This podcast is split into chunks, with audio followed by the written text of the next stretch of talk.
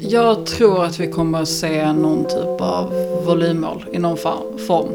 Man måste vara lite ideologiskt ärlig här och säga att poängen är ju att så få människor ska komma hit. Det är ju det som är, syftet, det är syftet. För jag menar, jag kan inte förstå varför man annars ska försvara för en barnfamilj att återförenas. Men det betyder ju att frågan kommer att eh, diskuteras framöver och att frågan sannolikt kommer att vara en del i förhandlingarna under nästa regeringsbildning. Hej och varmt välkomna till Människor och migration. Podcasten som handlar om människor på flykt och deras rättigheter. Jag som pratar nu heter Maja Dahl och jag är kommunikationsansvarig på Asylrättscentrum som ger ut den här podden. I augusti ska den parlamentariska kommittén presentera förslaget till Sveriges nya migrationspolitik. Och de politiska förhandlingarna pågår just nu för fullt. Vi har här i podden diskuterat olika frågor som ryms inom den parlamentariska kommittén och bland annat avhandlat de juridiska aspekterna av humanitära skäl, volymmål, familjeåterförening och försörjningskrav. Men i dagens avsnitt ska vi prata om politiken bakom förslagen. Den som har följt utvecklingen inom svensk migrationspolitik de senaste åren har kunnat se hur allt fler partier pratar om åtstramningar och krav. Man skulle kunna säga att vi har gått från en politisk debatt som handlat om öppna hjärtan och ett Europa som inte bygger några murar till samtal om andrum, volymer och nordiska nivåer. Hur hamnade vi egentligen här? Vad är de politiska drivkrafterna bakom det förslag som läggs? Och finns det någon smärtgräns för vad som kan föreslås? Ja, med mig för att diskutera den, poli den, politiken och det politiska spelet har jag som vanligt Sofia Rönnow Pesas som är den jurist här på Asylrättscentrum som har som uppdrag att hålla särskild koll på den parlamentariska utredningen. Välkommen! Tackar, tack. Jag ser fram emot att inte bara vara jurister i studion. Ja, för idag har vi väldigt två mycket speciella och kompetenta gäster. Vi har Susanne Nyström, ledarskribent på Dagens Nyheter. Välkommen! Stort tack! Och Somar Alnanger, kultur och frilansskribent som ofta kan läsas på Aftonbladet och etc. Mm. Välkommen! Tack så mycket! Så himla roligt att ha er här och kunna få liksom ett politiskt samtal för en gångs skull här i podden. Eh, hur känns det? Känner ni er laddade att prata migrationspolitik? Absolut. Mm, verkligen. Finns det någon annan känsla man kan ha inför att prata migrationspolitik? Min fråga, men det är en annan sak. Ja, vi har alla våra specialintressen. Ja. Jag tänker att vi hoppar in direkt i diskussionen. För som jag sa inledningsvis så har det ju skett en viss förskjutning i den migrationspolitiska debatten. Eh, och man kan se liksom hur Socialdemokraterna gått från mitt Europa bygger inga murar till att prata om stramare migrationspolitik. Eller att Moderaterna gått från öppna era hjärtan till att prata volymmål och nordisk nivå. Hur hamnade vi egentligen här? Vad säger ni? Vad har hänt inom partierna? Susanne? Det korta svaret är att hösten 2015 hände. Eh, det var ju då allting förändrades. Det som du tog upp med Stefan Löfven om att mitt Europa bygger inga murar till att man då stramar åt migrationspolitiken. Det är ju bara två månader däremellan. Mm. För Moderaternas del så är det ju faktiskt i alla fall två partiledarbyten emellan. De exempel som du nämnde. Men om man ska ta, det, ta trådarna lite längre tillbaka så kan man ju säga att traditionen i, i Sverige i migrationspolitiken. Det är ju att Moderaterna och Socialdemokraterna de är, är för en ganska stram migrationspolitik. Och sen har de mindre partierna i regel velat ha lite andra regler. Det är exempelvis småpartierna som har drivit på för eh, flyktingamnestier historiskt sett och så. Men så har det ju inte varit på sistone. Utan på sistone så har man ju snarare gjort upp inom blocken om eh, politiken där Socialdemokraterna och Miljöpartiet har blivit ett eh, block i sig. Och Miljöpartiet är ju för mycket generösare regler än vad Socialdemokraterna är. Och Moderaterna har ju gjort upp med eh, Centerpartiet exempelvis och även Liberalerna och Kristdemokraterna som ju exempelvis har haft en annan syn på familjeåterförening. Så det som har hänt är ju egentligen att Moderaterna och Socialdemokraterna inte har bildat den här hjärnaxeln som man tidigare har bildat. Och då har det också blivit en mycket större fråga eftersom den har debatterats på ett eh, helt annat sätt och mycket mer än tidigare. Och där kan man inte heller bortse från att Sverigedemokraterna har kommit in i riksdagen, vilket givetvis också har satt frågan på dagordningen på ett helt nytt sätt. Mm. Vad, vad, säger mm. du Simone, håller du med om det? Ja, i det kortare perspektivet så var det 2015 som hände. I det längre perspektivet så har vi sett en trend över hela Europa där eh, mer högerextrema rörelser och partier har just satt dagordningen. Nästan eh, vilken fråga man än har ställt så har frågan varit minskad invandring, stoppa islamiseringen, stoppa vissa människor från eh, afrikanska länder och Mellanöstern framförallt. Alltså det har funnits ett, ett slags kulturkrig som har varit, eh, stått högt upp på agendan. 2015 gav liksom de frågorna en skjuts eh, snarare. Och eh, det blev svårt för ett parti som Socialdemokraterna att ge andra svar än de som redan låg på bordet. Det vill säga Sverigedemokraternas svar att problemen i samhällena beror till stor del på eh, så kallat högt mottagande. Eh, Reinfeldt satte, var ju väldigt en intressant politiker och kanske en parentes inom Moderaterna på det sättet. Eh, han, han sa ju, vi ska öppna våra hjärtan, men han ställde också två saker mot varandra. Välfärden eller öppet, eh, en öppnare eh, mottagande. Då satte han också Socialdemokraterna i ett hörn. För Socialdemokraterna då, under valrörelsen, när var det här? 2000, 2014. 20, 2014. Det som hände var att Magdalena Andersson ville vara jättenära Anders Borg ekonomiskt. Eh, Sossarna låg ganska tätt där. Eh, och när Reinfeldt säger då vi har inte råd med välfärd men det är viktigt att vi öppnar våra hjärtan för det är den, den typen av land vi vill vara. Vad som händer är att sossarna har inte ett annat svar än det. Utan säger så här, nej men då får vi stänga gränserna för vi vill bevara välfärden. Lite förenklat kan man säga. Eh, Mm. vad det är som händer. Du håller inte riktigt med om det, tycker jag vi ser. Det var inte riktigt det Reinfeldt sa. Det han eh, sa var att reformutrymmet eh, skulle användas för, att, eh, för flyktingmottagandet. Men välfärden är ju bra mycket större än reformutrymmet. Reformutrymmet är ju en väldigt, väldigt, väldigt liten del av budgeten. Så jag tycker inte att man kan säga att han ställde det mot välfärd, utan han ställde det mot eventuella andra eh, prioriteringar eh, i nästa budget. Ja, precis. Det han sa var egentligen att vi kommer inte kunna göra investeringar, vi kommer inte kunna göra det ena och det andra.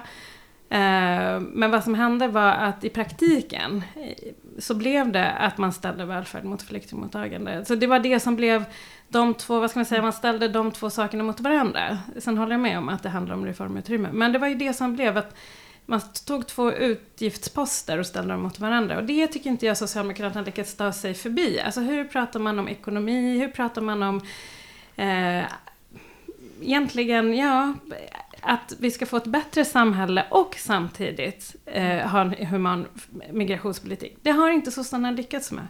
Men finns viljan hos Socialdemokraterna att driva då för en, för en mer generös asylpolitik? Om man tänker på det du sa inledningsvis Susanne, att, att både Socialdemokraterna, eller varken Socialdemokraterna eller Moderaterna har varit de som har drivit migrationspolitiken mer öppet, utan det har varit i förhandlingar med de små partierna som varit de som har driv, varit drivande. Har sossarna velat ta sig ur då den situationen i sådana fall? Nej, jag ser snarare tvärtom att man har velat... Eh, nu, den strategin jag ser just nu det är att man vill eh, på något sätt eh, lägga locket på, döda frågan genom att eh, få igenom den här breda överenskommelsen som kommer genom kommittén. Eh, och sen där med hoppas att vi inte ska prata mer om de här frågorna. Utan prata om andra saker. Så att vad jag ser snarare är att man inte vill ta konflikter kring de här frågorna. Utan man vill snarare bara eh, ja, men döda frågan så snabbt som möjligt. Det man kan se också som hände 2015, det var ju att man ändrade utgångspunkt. För innan 2015 när man diskuterade migrationsfrågan så pratade man ofta om flyktingar och flyktingars rättigheter och i vilken situation flyktingar befann sig i. Men efter 2015 så har man pratat mycket mer om alltså, Sverige som land. Och man pratar dels om det såklart i ekonomiska termer, men vi fick också in det här kulturkriget som du var, var inne på, där man eh, pratar om eh, kulturkrockar och man pratar mycket om känslor, om saker som eh, har förändrats. Eh, men man pratar också om eh, kriminalitet, om resultat i skolan och sådana saker. Och problemen får ofta kokas ner till att handla om migration. Eh, och det är också väldigt nytt i Sverige. Eller ja, det är inte jättenytt nu eftersom det var 2015, men innan hade vi inte pratat om det på det sättet. Vi hade haft en helt annan utgångspunkt när vi diskuterade frågan. Mm. Och jag tänker, du Sofia, om vi nu är inne på att prata liksom förskjutningar, men du har ju jobbat då liksom från praktikersidan. Eh, och då, den förskjutning som har skett i politiken har ju du fått hantera rent praktiskt. Hur, hur har du sett den utvecklingen? Ja, men det är väldigt intressant att höra eh, perspektivet från politikerhåll. För jag tror att den här snabba vändningen vi pratade om just när vi pratar från, eh, eh, vad heter det, Mitt Europa bygger inga murar och de där två månaderna eller vad det var innan lagstiftningen förändrades. Alltså den typen av lagstiftningsförändring är ju någonstans historisk i hur snabbt den lagen kom fram och hur den omarbetades och hur den senare eh, trädde i kraft. Och den extremt snabba lagstiftningsprocedur som ändå mynnade ut i de här tillfälliga begränsningarna. hade ju också extrema spår på eh, kvaliteten på produkten så att säga. Och den, de liksom, eh, ja men vad konsekvenserna har varit på den, på den lagen. Eh, så att det är väldigt intressant. Jag tror att en sak jag tänker på mycket när jag hör de migrationspolitiska diskussionerna är ibland en förhoppning att eh, migration är ett område som alla andra som man lite kan forma utifrån den svenska kontexten. Och det svåra med just migrationspolitiken är ju att så att säga vi har, man har kanske inte riktigt samma kontroll eh, som man har i andra områden. Till exempel att man måste ge människor som söker asyl rätt att söka asyl. Så att säga, även om man gör olika försök att genom politiken så att säga minska eller öka. Så den där grundförutsättningen kommer alltid finnas. Och jag tror att det gör att de här försöken att göra olika politiska förslag och att liksom slåss om det här på, på, en, på en svensk yta kan, kan få ganska svåra konsekvenser ibland. Eller svårt att komma nå fram. Men en mm. sak som jag har lagt märke till, och det, det är också en annan trend som har funnits tidigare i Europa, som nu också har kommit till Sverige på senare tid, det är att man som du också var inne på, att man ställer migration och integration i samma vågskål. Det vill säga att man gör nu ehm, eh, det här volym, man pratar om volymer, det ska liksom vara kopplat till eh, hur pass väl integrationen går. Eh, och det har ju inte varit Sveriges linje tidigare. Och är egentligen en helt absurd sak att eh, likställa migration och integration. Det vill säga att hur många eh, lediga lägenheter det finns i den kommunala bostadskön ska avgöra om du kan fly från Syrien eller inte. Eller så. Det är, liksom, så, så kan det ju inte vara. Men det är det vi har sett. Det är, vi ser mer och mer av det i den här eh, kommitténs också förslag som ligger på bordet nu. Att man låter integration avgöra migrationsfrågan. Mm. Det jag funderar på också lite grann när vi är inne på nu, eh, att de här frågorna kanske inte har diskuterats så, så mycket. Eh, finns det också en ovana från politikerna att faktiskt stöta och blöta de här i debatt? Att man inte riktigt vet hur man heller ska ta sig an migrationsfrågorna för att det tidigare mest förhandlats och inte varit så öppet hur man ska prata om det. Jag tror inte att man har något problem att debattera och diskutera migrationsfrågan. Däremot så är det ju en fråga där man står väldigt långt ifrån varandra. För i den här kommittén så är ju alla riksdagspartierna med. Sen betyder ju inte det att alla kommer att vara med på det förslag som sannolikt kommer att komma ut i augusti. Men om man ska komma fram till någonting som håller så fungerar det ju om Sverigedemokraterna hoppar av och om Vänsterpartiet hoppar av. Däremot så skulle det vara svårt om både Miljöpartiet och Moderaterna hoppar av eftersom båda de partierna ju ingår i varsitt eh, regeringsunderlag och sannolikt mm. kommer att göra det under ganska lång tid. Och Moderaterna och Miljöpartiet står ju väldigt långt i, väldigt, väldigt långt ifrån varandra i just migrationsfrågan. Jag tänker att vi går vidare. Vi är inne med att prata liksom politik och drivkrafter bakom. Om vi nu tänker på de förslag som finns i den parlamentariska kommittén som du nu, du nu nämnde Susanne.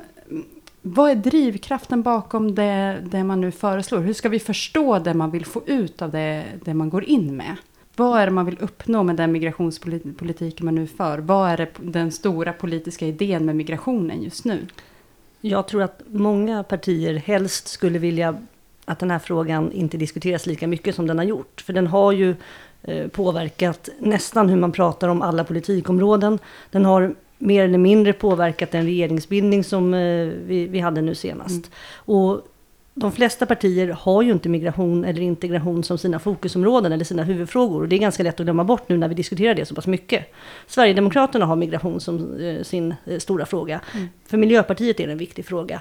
Men de andra partierna är ju mycket mer i regel inriktade på ekonomi och jobb och sådana frågor. Och skulle ju mycket hellre vilja ha den sortens debatter. Och då inte ekonomiska debatter eller jobbdebatter som handlar om hur vi ska få in nyanlända på arbetsmarknaden. Utan eh, så kallat vanliga diskussioner om, om den sortens frågor. Eh, så därför så eh, är nog de flesta villiga att kompromissa rätt mycket i den här kommittén. Just för att man inte ska behöva diskutera den här frågan särskilt mycket framöver. Sen kommer det inte riktigt fungera, för man kommer ju ändå att diskutera frågan. Både Vänsterpartiet och Sverigedemokraterna kommer att vilja diskutera det, för man kan inte begrava en så här stor fråga. Och det finns egentligen ingen politisk fråga i Sverige som man bara kan begrava. Men många partier skulle nog vilja ha en grund att stå på i alla fall. Och den, det parti som har varit ute och förklarat sig väldigt villiga att kompromissa, det är Centerpartiet. Eh, som i och för sig har sagt att de inte kommer att ge upp rätten till familjeåterförening, men som en, ändå har svajat lite där på sistone. Mm. Håller du med om det, Smart? Ja, jag håller delvis med om att det handlar om att få bort frågan från dagordningen. Eh, samtidigt så tror jag att det finns en eh, dels okunskap, men också man vet inte hur man ska göra den här frågan till en höger-vänster-fråga. Nu pratar jag utifrån ett socialdemokratiskt perspektiv. Mm. Eh, och, det, och det, det, det, märks i förslagen. Vad jag vill komma till är egentligen att det är ett problem att man har knutit frågan till arbete. Mm. Alltså, det, det måste vi komma in på. Men drivkraften, ja hur ska man svara på det? Drivkraften, vad är drivkraften för sossarna? När det kommer till drivkraften i förhållande till vilka förslag som dyker upp så tycker jag att det är väldigt intressant, alltså när vi som jurister då som försöker förstå lagförslagen, att förstå vad som är syftet med de enskilda förslagen. Då så kanske, förr så har det kanske funnits starka resonemang bakom varför man väljer att gå vissa vägar. Medan de resonemangen vi ser nu är i princip, men det här är det vi måste göra. Eh, så till exempel, okej okay, men varför har vi så extremt korta tillstånd? Det är ovanligt i europeisk nivå, det kommer att försämra liksom eh, tryggheten och utgångspunkten. Så är ja men vi behöver inte ha högre nivåer. Och det är ju väldigt intressant utifrån liksom den politiska viljan kopplat till de förslagen som kommer. Att det är inte lika lätt att förstå den politiska viljan bakom de förslagen som läggs eftersom vi inte eh, lika tydligt får formulerat varför man vill ha de specifika förslagen. Jag tror också, man måste vara lite ideologiskt ärlig här och säga att poängen är ju att så få människor ska komma hit. Det är ju det som är, syft, det är syftet. För jag menar, jag kan inte förstå varför man annars ska försvara för en barnfamilj att återförenas. Jag kan för mitt liv inte förstå. Det finns ingen politisk argument som, eh, som förklarar hur man kan hålla isär familjer. Vad är poängen med det? Inte är det integrationspolitiskt, inte är det ekonomiskt, inte är det vettigt, inte är det humant. Jag, så jag förstår verkligen inte det är klart att om man skulle argumentera vad som är det bästa för Sverige och för barnfamiljer, det är ju såklart att familjer får vara eh, fungerande, att barn och föräldrar får vara tillsammans och att man får fokusera på att komma in i det nya landet. Men om man försvårar för människor att eh, återförenas, eller familjer att återförenas, det är klart att man då försämrar möjligheten för integration och människor att bli en del av det här samhället. Så att för mig är det svårt att förstå vad drivkraften är, annat än att helt enkelt säga åt människor att inte komma hit. Mm. Jag tror bara jag kan komma till en sak just till mm. kopplingen till, till begränsningarna i familjeåterförening utifrån de diskussionerna jag har hört. Så tror jag att en av de sakerna som förs fram är ju att en stor del av begränsningen som diskuteras är försörjningskravsbegränsningen. Och den är ju så att säga kopplad till tanken kring att så att säga om man kommer hit så måste man kunna försörja sig eh, för att man ska kunna påbörja sitt familjeliv. Liksom. Sen kan det ju vara ideologiska eh, reflektioner kring hur det fungerar eller så vidare. Men jag tror ändå att det är de förslagen som ligger där kring så att säga tanken att först ska du ha eh, liksom dina affairs in order. Nej, men liksom först ska du ha ditt liv på plats och därefter kan din familj komma hit. Eh, jag tror bara att det, det är kanske det sättet som man ser det perspektivet. Bara lite som kommentar mm. på, på... Men, jag, jag, men ändå, mm. sammanlagt så tror jag att det, man vill inte, det är klart det är fullt att säga som politiker. Eller liksom, men, men huvudsyftet är ju att folk, det ska komma färre flyktingar hit. Det är ju det som är huvudmålet. Och det är avskräckande. Vissa, vissa politiska förslag är ju avskräckande syfte. Mm. Medan andra kan visst absolut ha ekonomiska argument. Ville du lägga till någonting där Susanne? Flera av de förslag som ligger på bordet just nu i migrationskommittén, eller saker som politikerna pratar om, de syftar ju till att eh, när flyktingar kommer till Europa så vill man att Sverige ska ha så lika regler som andra europeiska länder som möjligt. Så att man inte ska välja Sverige i högre utsträckning än, eh, än genomsnittet. Det vill säga att fördelningen ska bli jämnare än vad den har varit tidigare.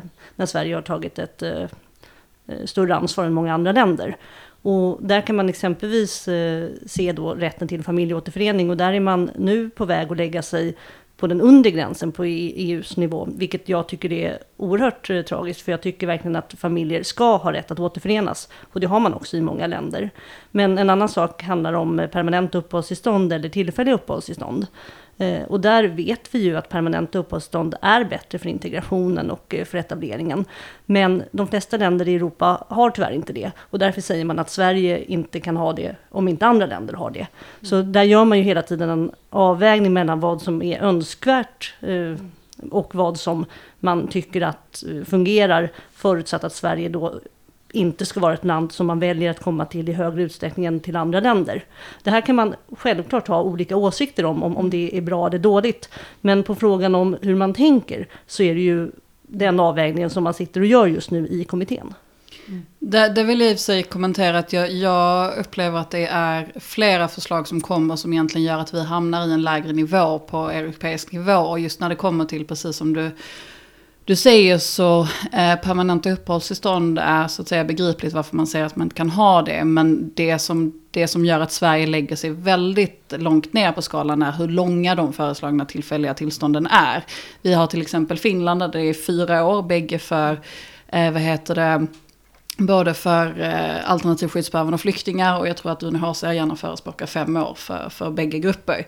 Eh, så att det är, ju, det är ju väldigt många av de förslag, och jag menar volymmål, där har vi sett liksom att det är egentligen två länder eller så i Europa som har laborerat med det tidigare, men där Sverige då också blir ett, ett land som går ett steg längre då i, i den relationen. Så att jag, jag tror att Samtalet har också gått från att vara i en europeisk nivå till att vi också har hört nu nordisk nivå nämnas. Som också har varit egentligen att, att eh, sänka tanken kring var vi ska ligga i nivå till övriga länder. Så att eh, det är också värt att ha i, i åtanke. Men sen ska man så här, när man pratar också om Sverige så måste man förstå att allt det här sker i en dominoeffekt också. Alltså när Sverige försvårar eh, för familjer att komma hit så, för, så, gör, så ökar också eh, pressen på land, alltså pushbacks, länder som eh, pushar tillbaka flyktingar till eh, länderna de kom ifrån.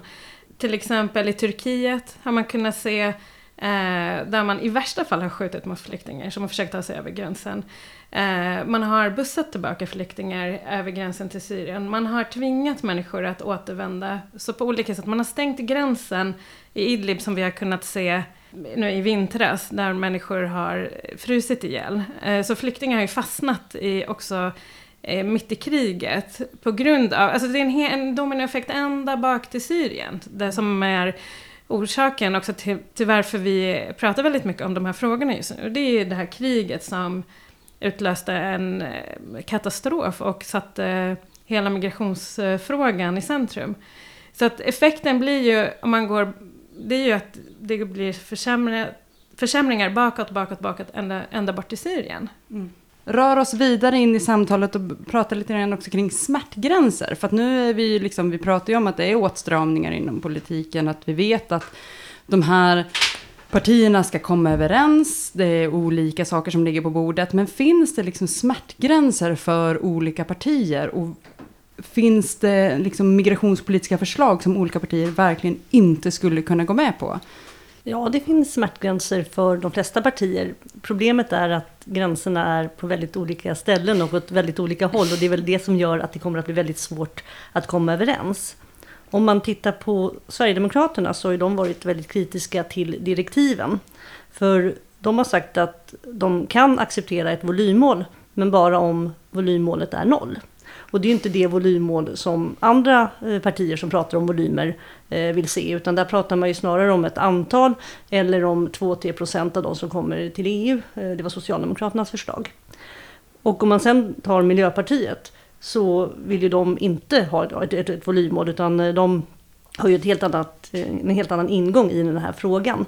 Och jag har väldigt svårt att se att flera av de mindre partierna skulle kunna släppa rätten till familjeåterförening. Och när jag säger rätten till familjeåterförening så menar jag familjeåterförening för alternativt skyddsbehövande där man ju där förslaget ligger att man ska ha ett försörjningskrav för att få ta hit sin familj. Vilket i praktiken innebär att föräldrar och barn hålls separerade i väldigt många år.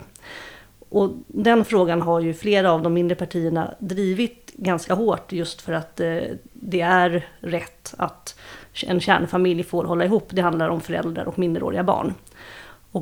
Jag har svårt att se att flera av de mindre partierna skulle kunna släppa den frågan om man ska få fram ett förslag som håller över tid.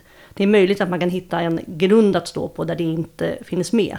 Men i sådana fall så kommer den här frågan att leva kvar även efter att eh, kommittén har presenterat sitt förslag. Mm. Alltså jag, jag kan, det, här kom, det här låter lite konstigt, men jag tycker att, det kon, alltså, att sossarnas smärtgräns är lite konstig. Jag önskar att det vore det att man värnar familjen, den lilla människan, man värnar barnens rätt, de sakerna. Där borde det inte ens vara en diskussion. Det borde vara liksom den smärtgränsen borde vara att man skyddar dem. Dess, men jag tycker också att man borde tänka på arbetsmarknaden. Det är för mig ett eh, mysterium att man går med på att det här med försörjningskravet. Därför att då kommer man att ha, göra människor till desperata. Man kommer att öppna upp för eh, olika sorters eh, fusk. Man kommer öppna upp för eh, massa brister på arbetsmarknaden. Och jag, därför är det lite märkligt att arbetarrörelsen går med på det här. Att göra arbete så centralt i frågan om migration. Ja, och det ser vi ju nu idag att de försörjningskrav som finns har ju varit väldigt svåra att faktiskt nå för de personer som, eh, som vill ha hit sin familj. Ja, men det har varit oerhört tuffa ärenden och jag, jag måste säga att just, alltså just det här förslaget som kom om att ha ett försörjningskrav omedelbart applicerat på alternativ skyddsbehövande. Det pratade vi om också i, i podden tror jag. Att det var ett av de förslagen som chockerade oss mest. Eh, för att det är väldigt långtgående. Och det är också väldigt intressant att se att, så att säga, förslagen är ju i, i varierande grad mer eller mindre nära vad som är tänkt enligt de internationella konventionerna och vad som är tänkt i, liksom, i enlighet med eh, idealet för asylrätten. Liksom. Men just så att säga att alternativt skyddsbehövande ska på så ett sånt diametralt sätt, an, annorlunda sätt behandlas i den här frågan i förhållande till flyktingar. När så att säga de stora internationella organen hela tiden pratar om att de är i, i liksom längden av skydd och behovet av familj är de här totalt likvärdiga parter. Liksom. Det, är väldigt, det är väldigt förvånande att det är där diskussionen ligger och säger lite om att eh, Eh, ja, men jag kan i alla fall som har följt det här eh, utifrån det juridiska perspektivet, jag är väldigt chockad över att det är där eh, diskussionen överhuvudtaget ligger. För det är ett väldigt, eh, väldigt långtgående förslag. Mm. Men man ser väl också förslaget, eller i alla fall det jag har kunnat läsa mig till, att man argumenterar för förslaget som en integrationsmotor. Att det ska liksom vara motiverande att då skaffa sig ett jobb, att lära sig svenska, att bli en del av det svenska samhället för att då få hit sin familj. Att det då skulle vara drivkraften bakom. Eh, kan man då se, finns det liksom fog för de argumenten? Förstår vad jag menar? Nej, det går mycket fortare att integrera sig i det svenska samhället om man vet att ens familjemedlemmar har det bra. Så det, det, finns inget fog för det.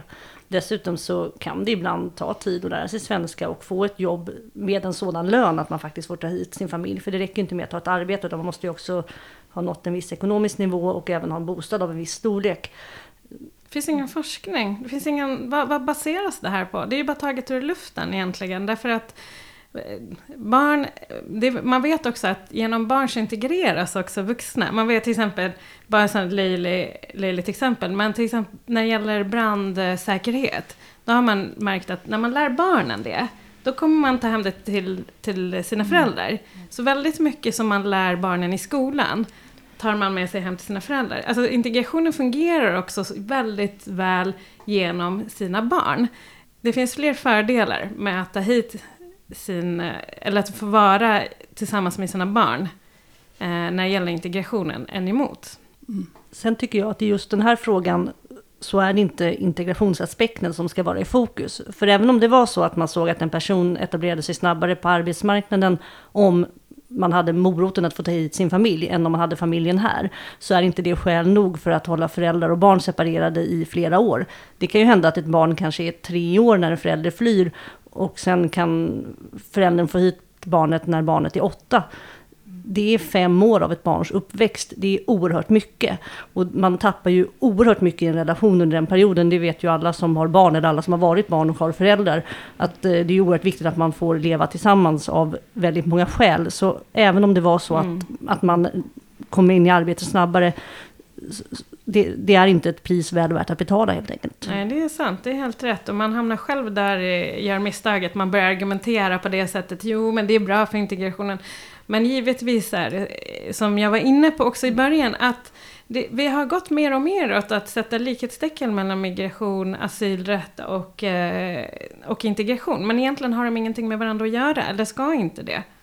Eh, en bild som vi har fått från den liksom, parlamentariska kommitténs arbete är att Moderaterna varit en drivande motor i kommittéarbetet. Att eh, till exempel då det här förslaget om volymmål som vi har varit inne på ett par gånger här under samtalet har fått uppta ganska stor del av arbetet trots att det inte ingick i grunddirektiven utan är en fråga som har kommit upp då i efterhand.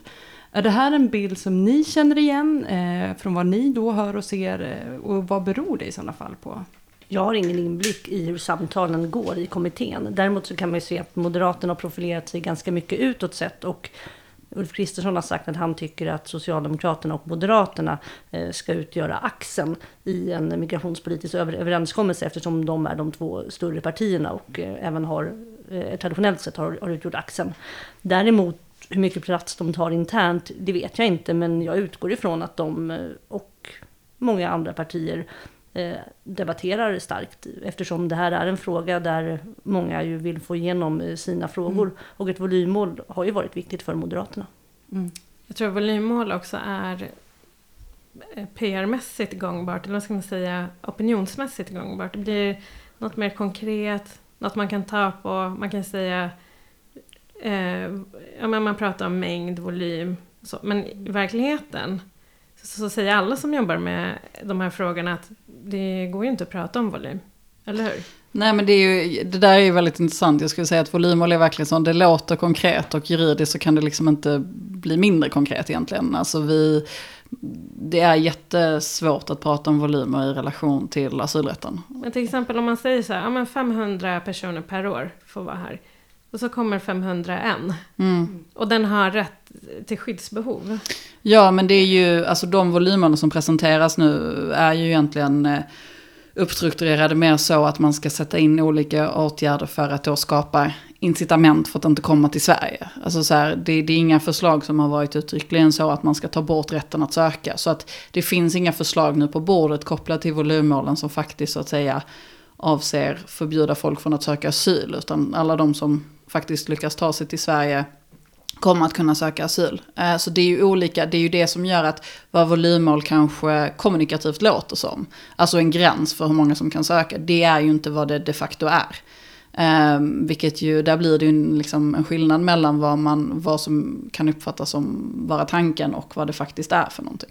I ett europeiskt perspektiv också ska jag säga att eh, det där har också påverkat eh, biståndsmålen till exempel. Att eh, mer och mer pengar nu av biståndet, gemensamma EU-biståndet, går till att eh, begränsa också människor från att ta sig förbi Europa, Europas gränser. Eh, så istället för att bekämpa fattigdom så är det en massa pengar istället som läggs på ehm, övervakning och så det finns ju en det är också intressant utifrån ett europeiskt perspektiv vart vi är på väg som kontinent också. Att man eh, går mer åt övervakning eh, och gränser och mindre åt det humanitära hållet. Så inte bara i Sverige utan jag återgår, jag återgår hela tiden tillbaka till Europa därför att Ibland tror vi att vi är en egen ö, men det här, vi är en del av en större rörelse och det är lite oroväckande som kontinent vart vi är på väg. Vad kommer det innebära för för Europas framtid, för oss, eh, hur vi ser på oss eh, som eh, union, vilka värderingar, vad är vi, alltså vad kommer vi vakna till om, till en,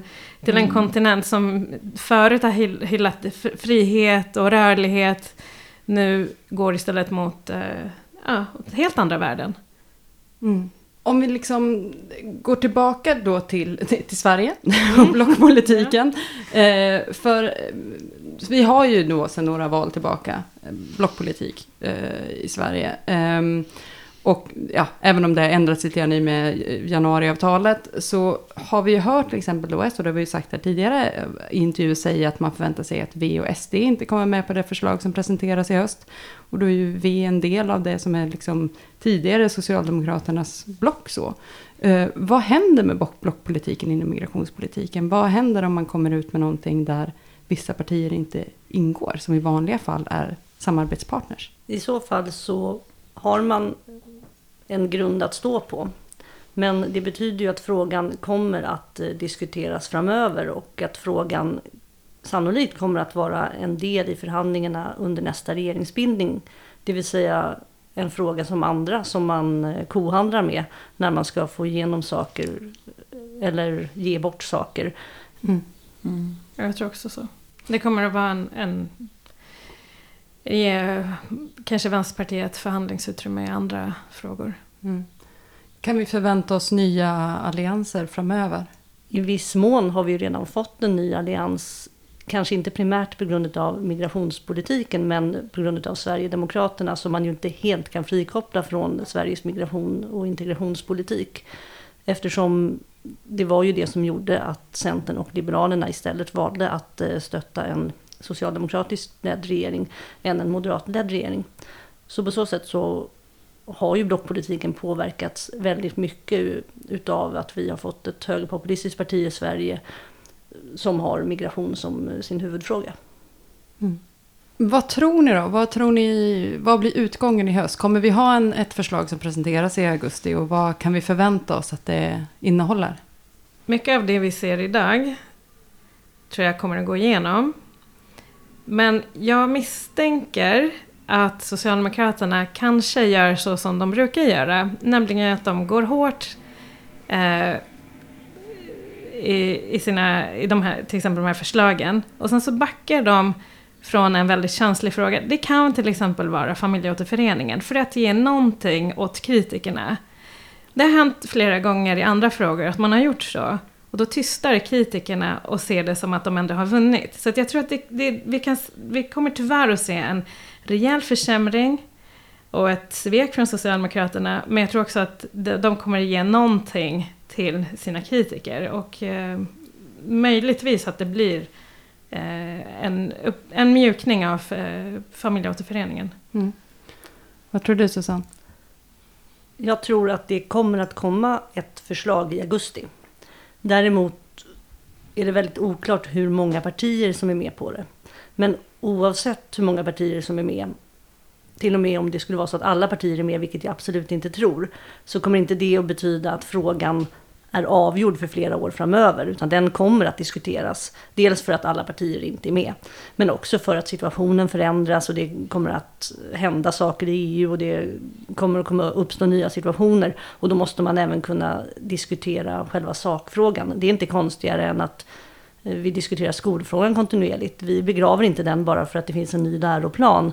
Vi begraver inte den ekonomiska politiken bara för att det har klubbats en budget. Och samma sak kommer det att vara med migrationsfrågan och integrationsfrågan. Och det är, det är ingenting konstigt, utan det är tvärtom så det ska vara i en demokrati, att man diskuterar frågor. Mm.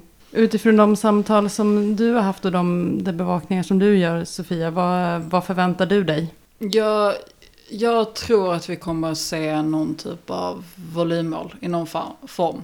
Tyvärr.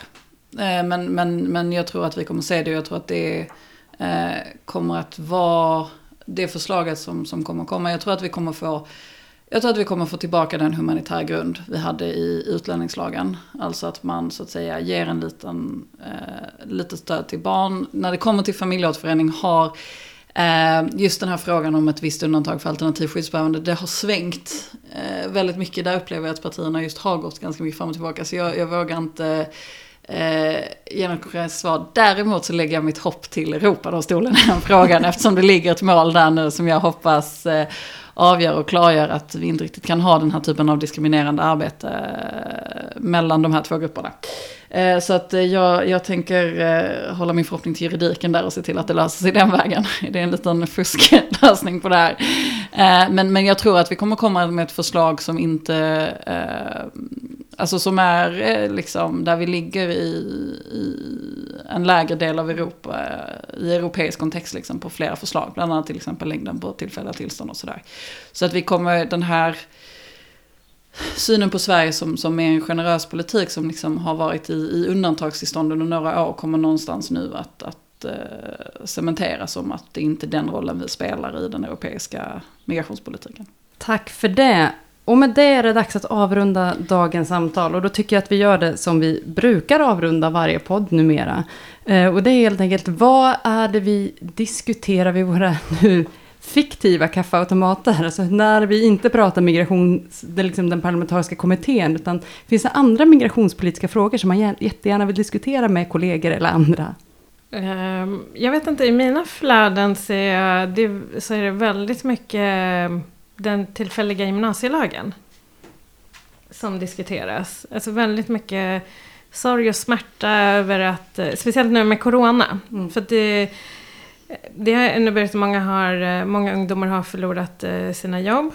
Eh, för visst är det så att man har ja, alltså, fått möjlighet att förlänga Ja, alltså man har sex månader på sig efter det att man, har, eh, eh, man är klar med sina studier till att få ett, eh, i princip en tillsvidareanställning eller en långvarig anställning. Och det som har blivit, eh, vad vi har sett många gånger är att problemet nu är att det inte riktigt finns så många anställningar att, att få. Mm. Eh, vilket gör då att den här möjligheten till uppehållstillstånd försvinner. Och det är också en annan del av Sverige som jag ser väldigt mycket i flödet. Den här sorgen över att man, har, man måste säga hej då till många, då, framförallt eh, afghanska ungdomar. Att man måste säga hej då för att de inte har ett jobb eller deras eh, utbildning är avslutad. Eh, så det är vad jag ser i mina flöden i alla fall. Mm. Susanne?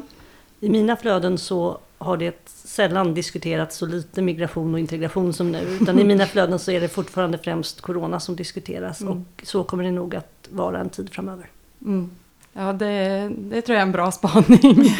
Sofia? En, en sak som vi har snackat lite om, som vi, vi, vi har ju liksom ett, ett EU-perspektiv, eh, framförallt några av mina kollegor som tittar särskilt på CES, alltså det europeiska gemensamma asylsystemet. Och där har ju eh, Ylva Johansson haft som ansvar att ta fram en liksom, förslag på ny eh, europeisk gemensam asylpolitik och eh, den har vi ju väntat på va? Och den har vi väntat på över åren, över våren. Men eh, nu, får, nu skjuts den upp ännu en gång. Den var tänkt att komma nu någon gång i juni men eh, det väntas komma i höst. Eh, så då väntas det komma några förslag. Vilket ju också blir eh, intressant utifrån kommittéarbetet. Att vi nu inte vet riktigt var liksom, EUs gemensamma asylpolitik kommer hamna i relation till att vi också då lägger oss ganska långt ner på skalan så att säga.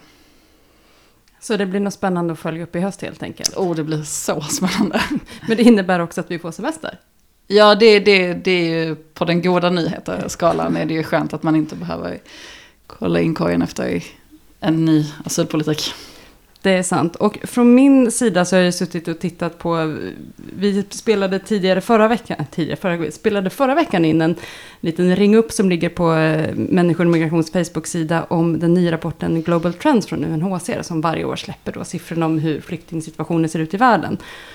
Och det är ju klart att man kan stanna där vid siffran 79,5 miljon människor på flykt, varav då 40 procent av dem är barn. Det är liksom en helt enorma siffror att sitta och mm. läsa i det jag har fastnat vid och det jag liksom kommer tillbaka till och liksom diskuterar i de här sammanhangen. För att kvotflyktingar har liksom varit en fråga som man i svensk kontext har varit lite inne på att det kanske skulle vara en faktor som man reglerade volymmålet med. Så nu har jag förstått att det liksom nu har plockats bort från hur man ska reglera volymmålet. Men det har ändå varit uppe som en diskussion. Och i den här rapporten då, Global Trends, så, kom, så står det att under 2019 så omplacerades totalt 81 600 personer enligt FNs kvotflyktingsystem. Av då 79,5 miljoner människor som tvingats lämna sina hem. Det är siffror som är så svåra att liksom landa i. Man måste ju in och läsa den här rapporten. Alltså ja. så är det ju bara. Alltså det här är siffror som jag tror att alla som är intresserade av migrationspolitik måste någonstans ta till sig för att förstå vad det är, vilka sfärer vi rör oss och var världen ser ut. Ja, framförallt nu när liksom den eh, parlamentariska kommittén så tydligt är kopplad till 2015. Det är ständigt mm. liksom återkopplingen och då att man pratar om flyktingkrisen 2015. Och att vi ständigt måste påminna oss om att flyktingkrisen är inte vad som hände i Sverige 2015. Mm. Utan flyktingkrisen inte bara pågår utan ständigt försämras rejält. Mm. Alltså det, var, det är ju i princip, det är ju nästan 10 miljoner fler nu än förra året. Om man tar på 10 mm. års perspektiv så var det ju 40 någonting miljoner mm. liksom för 10 år sedan. Så jag menar världen går åt helt fel riktning och behovet av att, så att, säga, att ha en fungerande långsiktig migrationspolitik som, som klarar av att förhålla sig till den, den, den sfär och den värld vi lever i, den, den ökar tyvärr. Mm, verkligen. Så ett tips till dig som lyssnar det är att go- googla Global Trends UNHCR så kommer ni till den senaste rapporten. Och den har då även en översikt över hur det har sett ut de senaste tio åren. Mycket matnyttig läsning. Med det sagt, tusen tack till Susanne Nyström och till Samara Ner för att ni kom hit och diskuterade migrationspolitik med oss. Och tack Sofia Renopesa för att du kommer i juridiska perspektivet. Tack.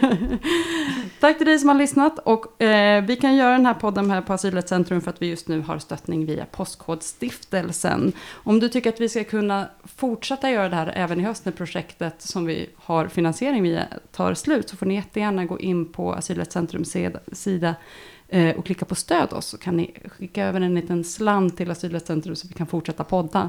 Och göra mycket annat bra också såklart. Har du frågor eller kommentarer på dagens avsnitt så får du jättegärna gå in på vår Facebook-sida och skriva det i kommentarsfälten där. Eller så kanske du kan twittra di- direkt till dagens gäster.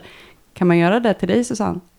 Ja, det går alldeles utmärkt att twittra till mig. Jag har Twitterkontot Susanne Nyström. Mycket logiskt. Som är. Ja, jag är inte där så mycket just nu. Jag är föräldraledig, men eh, ja, som har Alna här hittar ni mig. Toppen. Och Sofia? RRP Sofia. Ja, och direkt till Asylrättscentrum på atsverf-org. Med det sagt, tusen tack för att ni har lyssnat. Och vi hörs igen. Det här är sista avsnittet för sommaren, så vi hörs igen i höst. Vi Glad sommar. Glad sommar med det här. Eller piggande. medioker sommar men ändå med hopp om förbättring. Precis, så säger vi. tack så mycket.